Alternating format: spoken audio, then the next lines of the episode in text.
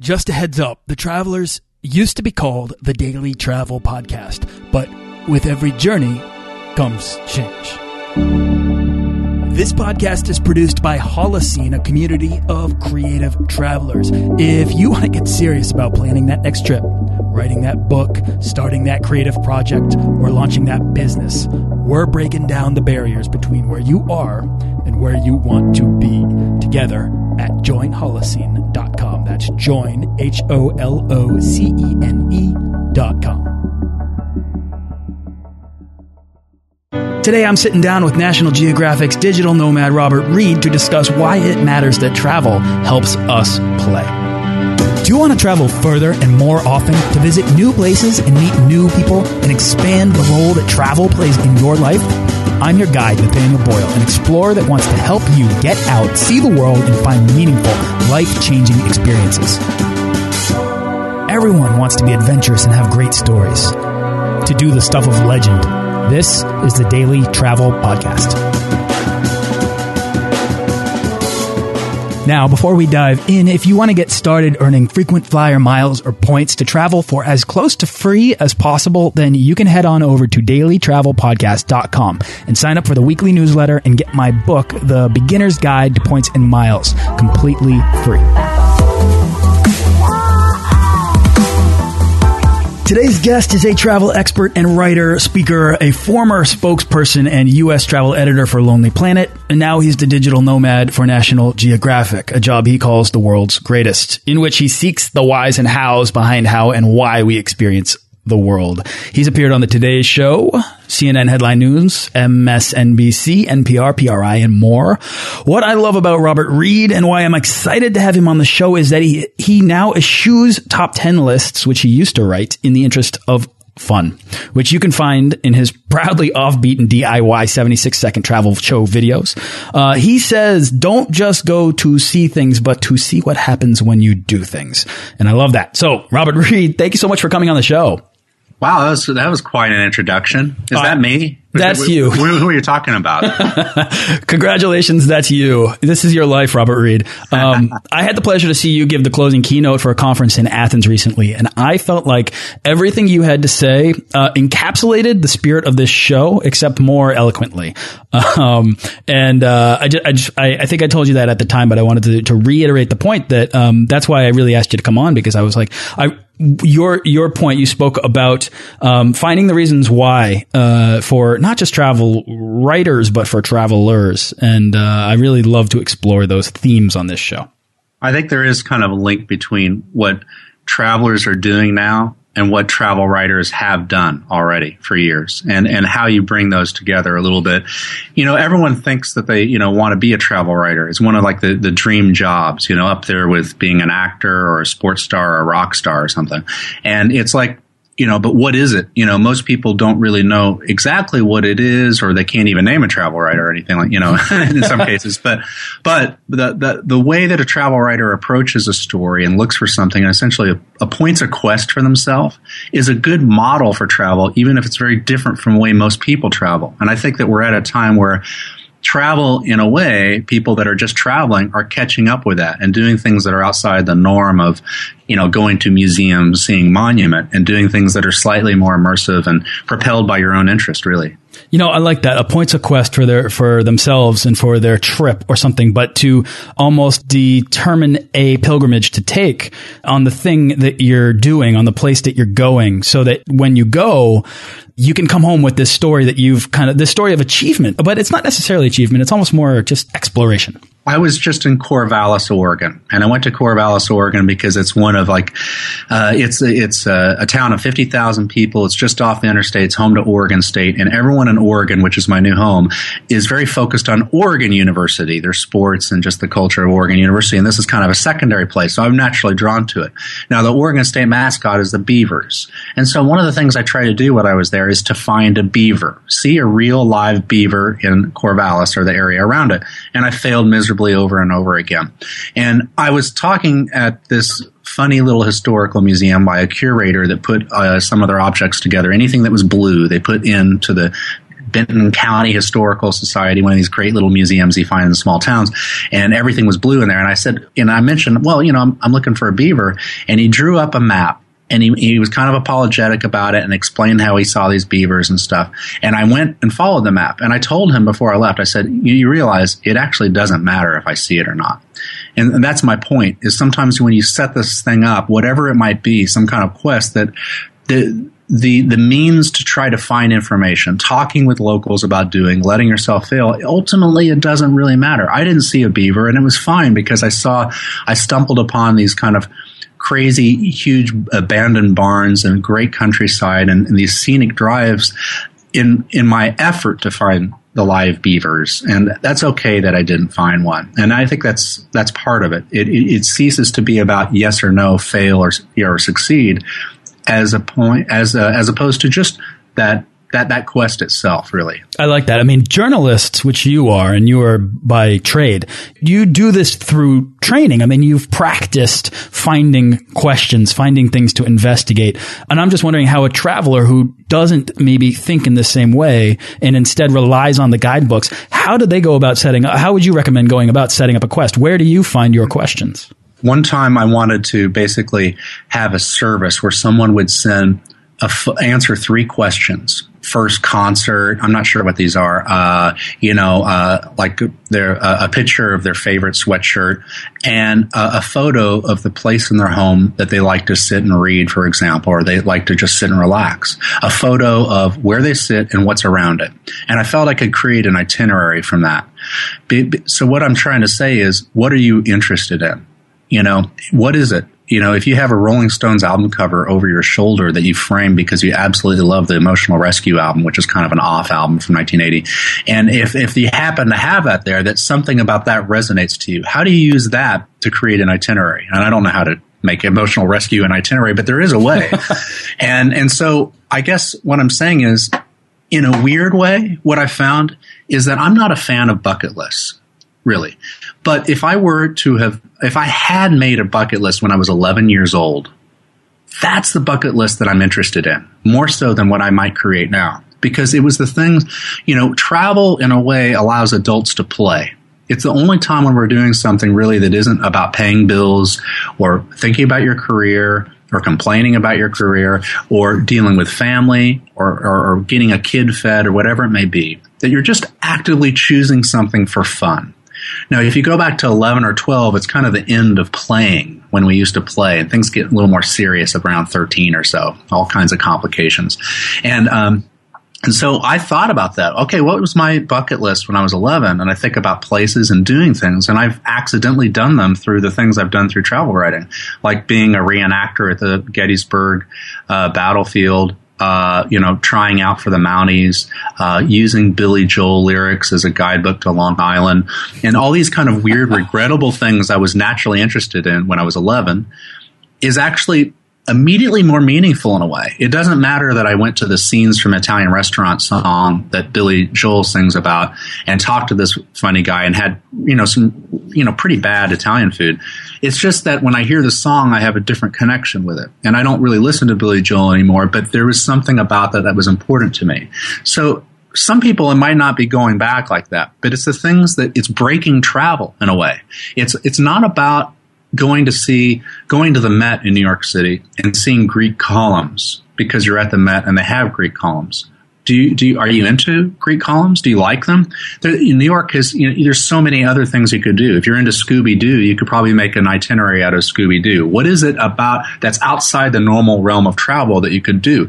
And the, the, the hunt to find out a way that that can intersect with an actual travel, with an actual trip is part of the fun and it's kind of how travel writers do it. So I think, you know, the long-winded way of asking your very, your, your question way back, if we can remember that far, is basically look what's around you. What are you naturally drawn to? How can you incorporate some of that into what your trip is so that you can find some answer?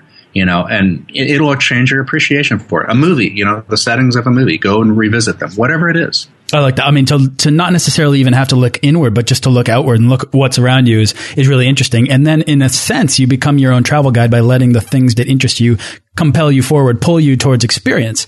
To me, Robert, this is how uh, curiosity, I think, can be triggered in people who aren't maybe inherently curious, but if you want to travel more, pursue the things that you that you already like. So then worst case scenario, you probably had an enjoyable experience. But then if you do this in a foreign environment, then more than likely you're going to have a new interest come from that that's going to compel you to want to have more and more and more as you go.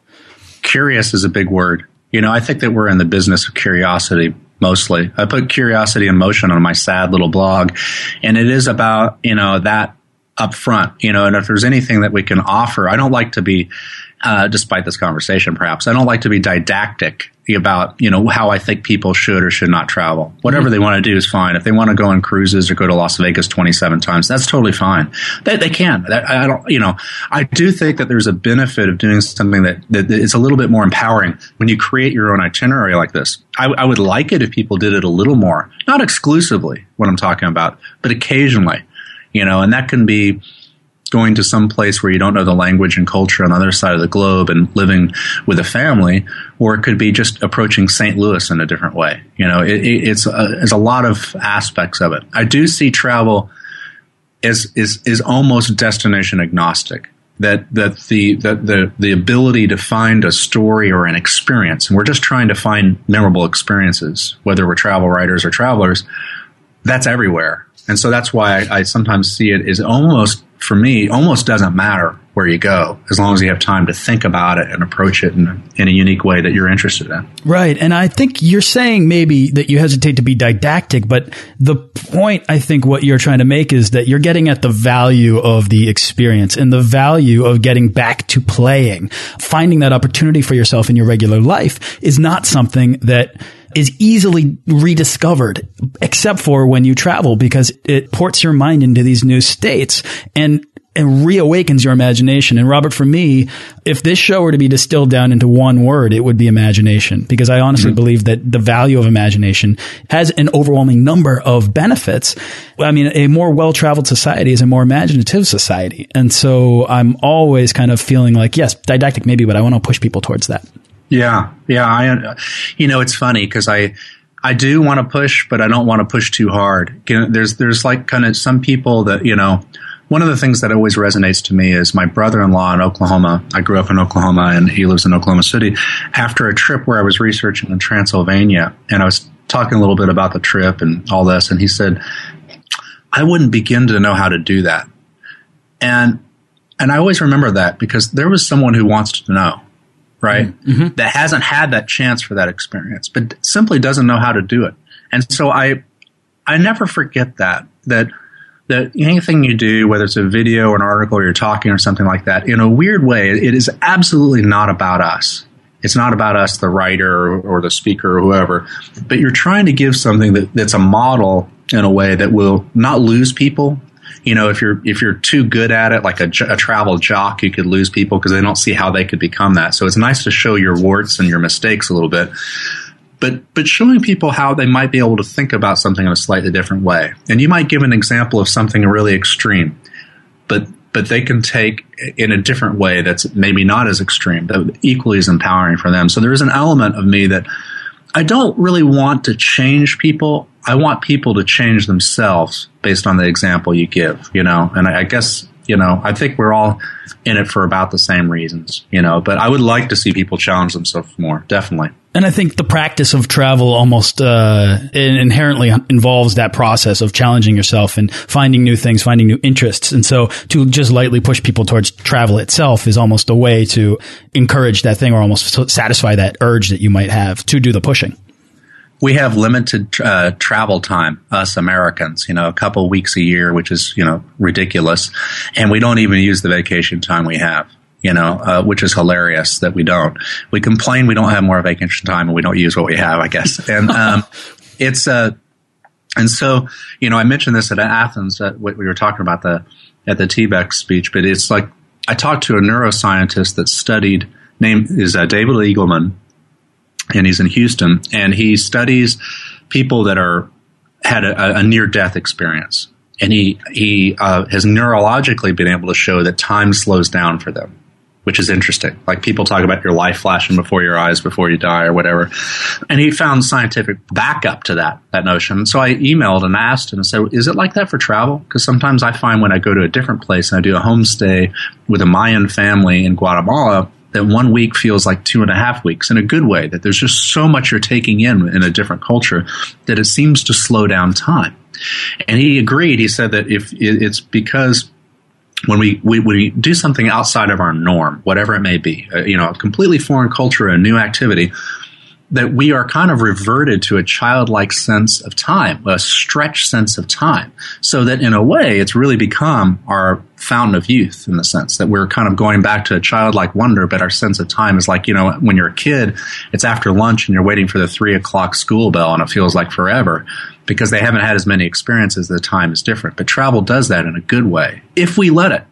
And that means like every other trip or every three trips or every four years, doing something that's just slightly out of your norm, you will be able to make your p- pitiful amount of vacation times feel like more, but also, uh, you know, have a have something really worth remembering that will you know stand out more than yet another visit to the same beach house that may be fun, you know, but it'll just stretch that time. And I like the idea that science can suggest that travel's the fountain of youth. I love that too. I mean, attention is the mother of memory, right? And the aperture sort of widens when you're experiencing something that you haven't before, or if you're surrounded by something that is uh, a foreign or new. And I think that for those of us that have a taste of new experience and constantly almost need to fulfill those new experiences over and over again, it's because we understand that those moments become sort of indelible in our mind. And uh, it feels like time is slowing down. That's almost a, a benefit because it, I know that I, when I'm seeking those moments and I'm actually experiencing uh, something new, uh, people often say on the show, um, and this is maybe the the simpler way to put it, but it makes me feel more alive, or travel makes me feel more alive. Mm -hmm. I think what you're saying is exactly the explanation for that. I was on the radio uh, a, a couple years ago when I was working for Lonely Planet. Someone from the New York Times wrote an article about you know, trying to make uh, travel more of a pilgrimage, and they were lamenting that, you know, in centuries past, people had more noble causes for travel than we do now and uh, a lot of people called in to share, share these trips. And I, I, I, bring this up because some people will maybe listen to this and think, "Oh, that's great because you get to, to go and you know travel for a living. We don't have the chance." And, and and I understand that's a valid reaction to this that a travel writer is able to do a lot more different things than an average traveler will be. But when of all the people that called in, there was people that talked about you know motorcycle trips across South America, or you know going to Papua New Guinea and living with some family for you know months, something that's you know well beyond what most people will imagine doing in their lifetime. And but my favorite call was this guy that lived in Nashville and he wanted he didn't he said look i don't have the time or money to go very far. So i thought about what's around here that i've never done. And he wanted to share an experience with his son and he never went fishing. So he went fishing with his son, and he absolutely had no idea how to get the fish off the hook, and he was making fun of himself a lot. And I felt like that guy gave you a model, really, of how easy it is to do something that is memorable, that's different, that's challenging, and just you know, and shows some sense of imagination and planning. I really love that, and I thought that guy was the best call of all of them, who just went, you know, drove an hour outside of town and did something that a lot of people might associate Tennessee life with but he hadn't done it and recognized that. I've heard adventurers come on this show, people that have done extreme things like sailing across oceans or wandering uh, through empty quarters of desert. It's this idea that we need to go to far flung places for new experience or for adventure is an excuse that I think a lot of people give themselves to not just go outside and put themselves outside, put themselves outside of their comfort zone and find that thing that is waiting for them in their own backyard. But it is, and I think it gets back to what you were saying before that it, it is a mentality of being in. Uh, it's like a playful mentality to find a play state to be Calvin and Hobbes in your own backyard. I think is a it's a challenging place to put yourself because it's uncomfortable. Yeah. And when you have a couch right next to you, it's it's even. I feel like it's even harder. It might be easier to go outside of your comfort zone when you're already in a foreign country. Unless your couch is really uncomfortable, and then it counts. then that, then it counts. uh, yeah, Robert. To me, uh, I love this conversation because it it really does drill into the, the heart of at least why I travel, and maybe not. It's not this show because I think this show is rooted in the people that come on it.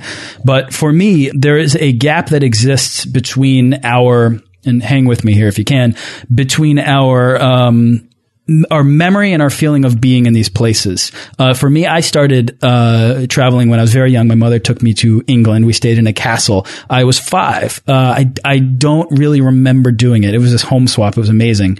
It was what you might be picturing a castle to be in your mind and I have a lot of feelings of being there, fragmented feelings, but I don't have memories. And so my memories are the photographs, but I still have the feelings. And I have to bridge the gap between my mem between my my feeling of being there and the photographs with my imagination. And so to me, I'm always looking for sort of that castle again when I go and travel. And I can kind of get that feeling of being somewhere uh, that is an imaginative world to explore. I think that what I'm trying to say is that is that this gets back to finding that play state, putting yourself in a position to look and see the world in childlike eyes again is a difficult thing to do, but a uh, an opportunity that is uniquely afforded by travel. That's the 11 year old bucket list right there. I mean, who doesn't want to have their own castle? Sounds like you got the, the best end of the trade there a little bit. Yeah, uh, a little bit. But it's, but that's the thing that travel does. It's like these weird things that you don't think are possible are. You can get your own island uh, and, you know, and they don't have to be, you know, Richard Branson's island in the Caribbean, but you know, you can camp on an island, you know, with a canoe in Maine. There's it's island, you know, like you go to the interior of Maine. It's ridiculous how many, how many different canoe ways there are in like these places, and you can essentially have your own island in the middle of this beautiful scenery. That seems dreamy to have to live in a castle, to stay in a castle or a chateau in France or whatever it is, to stomp grapes like Lucy does and I Love Lucy in Italy or something like that. At some winery, maybe you can do that. These kind of funny things, these images that are kicked around. In my in my case, it always feels like it goes back to childhood. There's, you know, I, I would love to study it more. There's something about it, like the, the appeal of a castle is like building blocks and making forts with little army men yes. or whatever it is. There's an element of that that that when, as soon as you say that you stay in a castle, that people it triggers something for people. There's something dreamy and kind of childlike about it in a weird way. Our vision of, of castles being something you really seriously think about, you know, and building and you know imagining yourself in is we lose sight of that, you know, and I think that travel doesn't make real. I'm not suggesting people go around and act like an 11 year old, but it's like there's something about that sense of imagination there that, that I only find that travel can deliver, really. You know, I want a castle. exactly, exactly, and at least for a day. At least for a day to explore, to to find an imaginative world there to sort of step into, and it's not necessarily escape into because I think that you uh, you bring yourself with it, and then you come away with a story, and that story it becomes. I'm sure you would agree when I say this, one of your proudest possessions. Mm-hmm. Absolutely, I love the idea of thinking about memories and feelings.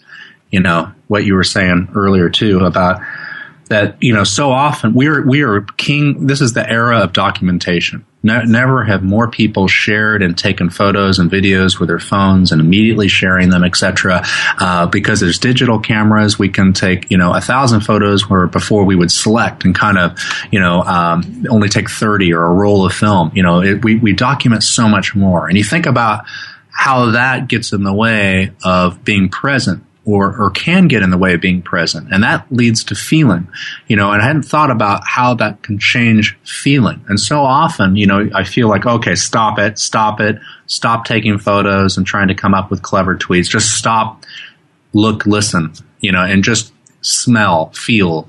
You know, often I'll, I use a, a journal not because what I write in a journal is going to be useful or good or worth reading, but that it makes me stop and it makes me feel in a way. And I sometimes do a device where I'm, I'll be on a hike or, or, in some town. I stop in a place and I literally get the journal and I and I, I make myself look and pay attention for five minutes, and then I record my senses. What do I see? What do I hear? What do I feel? Do I smell anything? You know, of that place. And I'm writing them down in fragments. Now, as a writer, sometimes I'll go back and that'll trigger something I can put into what I write about it. But more importantly, it makes you feel. It makes you, you stop yourself and make yourself feel. And I think that because I, I write a lot, I use that as a way of making myself stop down and making sure that at the end of a trip, we don't just have photos, but that we do have feelings too. You know, it's interesting to think about this. Yeah. Uh, have you ever had that feeling? And um, not everyone knows what I'm talking about when I say this, but uh, have you ever had that feeling of returning to somewhere that you can't you can't quite remember, but you know you've been there before? Yeah. And you look around and you say, I, I've been here. I've been here and it, it, mattered to me and I, I feel something, but I, I can't quite remember being here. I just know the, the familiarity, this sort of sense of being in a place returns. And, um, it's a very weird feeling. And I, it's happened to me in, uh, it happened to me in London because I was also there when I was, you know, five or six and then returning there 20 years later and saying, Oh my God, wait, I've, I've been on this road before. I've been here before, but I have no memory of it. I just know that I have. Yeah, yeah, I know. It's interesting returning to places. You know, I've had that experience. Sometimes the places I've never been, and I just see it as some weird deja vu. But um, but uh, also, like you said, going back to a place twenty years later, particularly a city you know, it feels like, uh, you know, I think of the exact same experience in Rome, you know, going to a neighborhood. It's like, oh, this is where we tried to track down that restaurant for, you know, we spent like two hours walking around. This was around here, you know, and, and, and, and seeing that again. Did you see, uh, before Sunrise, uh, the movie with Richard Linklater. Uh, yeah, yeah. And at the end of the movie, I thought it was so sad and, and really striking when it, it, revisits all the scenes that Julie Delpy and Ethan Hawke had gone to the night before in Vienna, and he just shows it empty. You know, he just shows those scenes the next morning with a light up and it's a little quiet, and he just shows the places that they were that are empty. I thought that was such a an interesting way to show space and how it changes with time. You know, is even just the next day, but they're not there in that conversation that we kind of watched. And sometimes travel, you know, I have mixed feelings about it. You know, going back to places and things like that. Sometimes you want a little space so that you're lost again, like you're talking about. Twenty years later in London, oh wait a minute, was it was it this it or not? If you go back the next year, sometimes it can be too soon, and you want to have you want to allow that feeling to age a little bit sometimes. You know, it, it varies. It depends on what it is. But something that's really strong, sometimes I like to let it sit there a little bit. And to just attempt to be or attempt to understand a place for what it is um, in its own moment. Uh, Robert, I feel like we could continue down this path and have a conversation like this for another hour um, over drinks or something. Um, we actually skipped the whole like formality of like giving me giving you the opportunity to introduce yourself. Um, but since now we're we're nearing the end of the show, um, I'm just going to ask you about writing for National Geographic and how this opportunity came along and what the role of the digital nomad, what what sort of that mantle is to you. Well, a year and a half ago, I left Lonely Planet. I had been there uh, in various incarnations for 15 years. And when I moved from New York to Oregon, I left my last position there. And I was kind of, kind of bouncing between little freelance, you know, opportunities. And I started working for them. Uh, every couple weeks, I'd write something as the Offbeat Observer. And uh, last year, like uh, a number of months ago, the man behind the digital nomad brand there, the one that put it together, is Andrew Evans, and he left. He, he, took a much needed break, so I got to fill in for him as the as the digital nomad, and and and now working, you know, to who knows what horizon, you know, as the digital nomad. A digital nomad is, is to me, is kind of a dream in a way because I spent so long writing, you know, lists for the website of Lonely Planet and stuff like that. And, you know, and, and they have their value. But I, I, as a writer, I felt it kind of blocked me into a certain way of thinking. And so the kind of narrative form, the open template for basically chasing stories and places, I love. For me, the digital nomad is something that you know, we write, uh, you know, I'm writing right now about Oregon, the state that I live in, and I'm writing three things. And I wrote about, you know, uh, Portland. I realized when I moved to Portland, I hadn't been before, actually, and I didn't know what it looked like. It doesn't have a landmark. So I decided to use the things that people associate it with crazy politics, crazy events, biking, uh, you know, coffee culture, whatever, and let them talk about what the landmark is of Portland. And then I went into the Eastern Oregon and went on a, you know, hung out with cowboys. You know, a lot of people don't realize there's cowboys three hours from Portland. And then I went to Corvallis. I picked these places, and everything that I write about ultimately is is basically finding the right people and letting them talk. So I have lots of quotes You know, I lo- I talk to locals like crazy about it, and and hope that in my quest of trying to see what the Portland landmark is, or or, or why is Philadelphia weird? I wrote about Philadelphia one time as a as a, a weird town, and I let people do the talking essentially. But the art of it is trying to find the right people and so I, I, feel that digital nomad is an immersion as as a demonstration really of how to travel like a travel writer. That's how I see the article ultimately is like as a model for these things that we're talking about. And uh, um, National Geographic Traveler, bless their heart, you know, give me a lot of freedom to do this. So that's why I think it's really about the the dream job you can have. And uh, I'll be going to California next, and um, who knows what will come in 2015. I love that. So you mentioned assigning quests kind of repeatedly to your journeys, and it seems like your work uh, with National Geographic in this role is a series of small quests to explore and to um, to to draw out the things that interest you.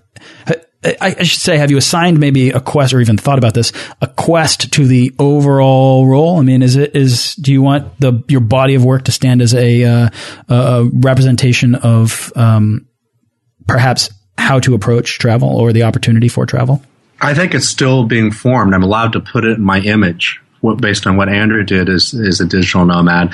And, you know, what I do, part of the digital nomad is sharing what you're doing on Twitter and Instagram live. You know, so you're seeing the research happening. A lot of travel writers do this now. But I think I'm able to form it as, as I like, which is amazing kind of an honor. And so I think if there is something that tethers it together in a way, the first article I wrote for National Geographic Traveler was called How to Travel Like a Travel Writer. And it's about a lot of this. And I think that what I realize is that I'm going to Rocky Mountain National Park. I, I went a couple months ago. It's 100 years old. What do I do that's fresh to this very visited national park? And um, so I read Isabella Bird, English writer who went there right before it opened up to settlers and stuff uh, in the 19th century. Very fascinating woman. She wrote this book, uh, a, a, Lady's Life in the Rocky Mountains, kind of an unheralded travel classic. And all she talks about is how purple it is. Now, you know, we have America the Beautiful, and they talk about the purple mountain majesties and stuff. And I realized, what, what do they mean? Purple mountains? What, what is that? And so I went there and I talked to people that are kind of overlap with Isabella Bird, this fascinating um, very, I can't even, I could talk for an hour about her. Fascinating, well worth reading her. But she gave this kind of color lens to seeing these Rocky Mountains that was picked up shortly afterwards by American Beautiful, whose author, um, a woman I believe from Connecticut, who I am certain was well aware of Isabella Bird. And, and so I just chased purple now, the article is about chasing purple in Rocky Mountain National Park and talking to people who are impersonators of Isabella Bird or rangers at the national park, people associated with it. And some said, I don't know what they're talking about. And some said, oh, yeah, of course. Here's where you find purple. And it's, you know, they're talking about dusk and that, that how the, the, the sun, sunlight can bounce off of, of certain peaks and create this purple gloom and things like this. Right it wasn't important, like the beavers I was talking about earlier. It wasn't really important that whether I saw purple or not, but how you approach it. And that got me to parts of the national park at parts at different times that I had complete and thrilling isolation. It's very hard to find isolation in Rocky Mountain National Park, but I found it. And the reason was because I chased purple. Now, this is a long way of saying that what this article is about is that I did research, I thought about the fabric of this destination beforehand. So, you know, you read articles about it, you read, see what movies have been shot there. Is there a, novel or a travelogue or a history book that's famous? Read one of them before you go. Find something that's, that gives you a new angle to it. And then you use that as a, as a, basically a filter when you're there. So I decide I'm going to chase purple. And by chasing purple, I think I saw the national park in a very unique way. And that's what I do, whether I'm going to Wyoming and trying to uh, find, uh, you know, I, I, travel with a geologist and try to understand travel from a geologist's point of view. And I discover the thrill of gravel roads of Wyoming, or um, why you always, uh, why you know, looking for weird things in in, in, uh, uh, in Philadelphia because it's actually the weirdest city. People talk about Austin and Portland; they cannot hold a candle to how weird Philadelphia is, and and use that as an approach for it.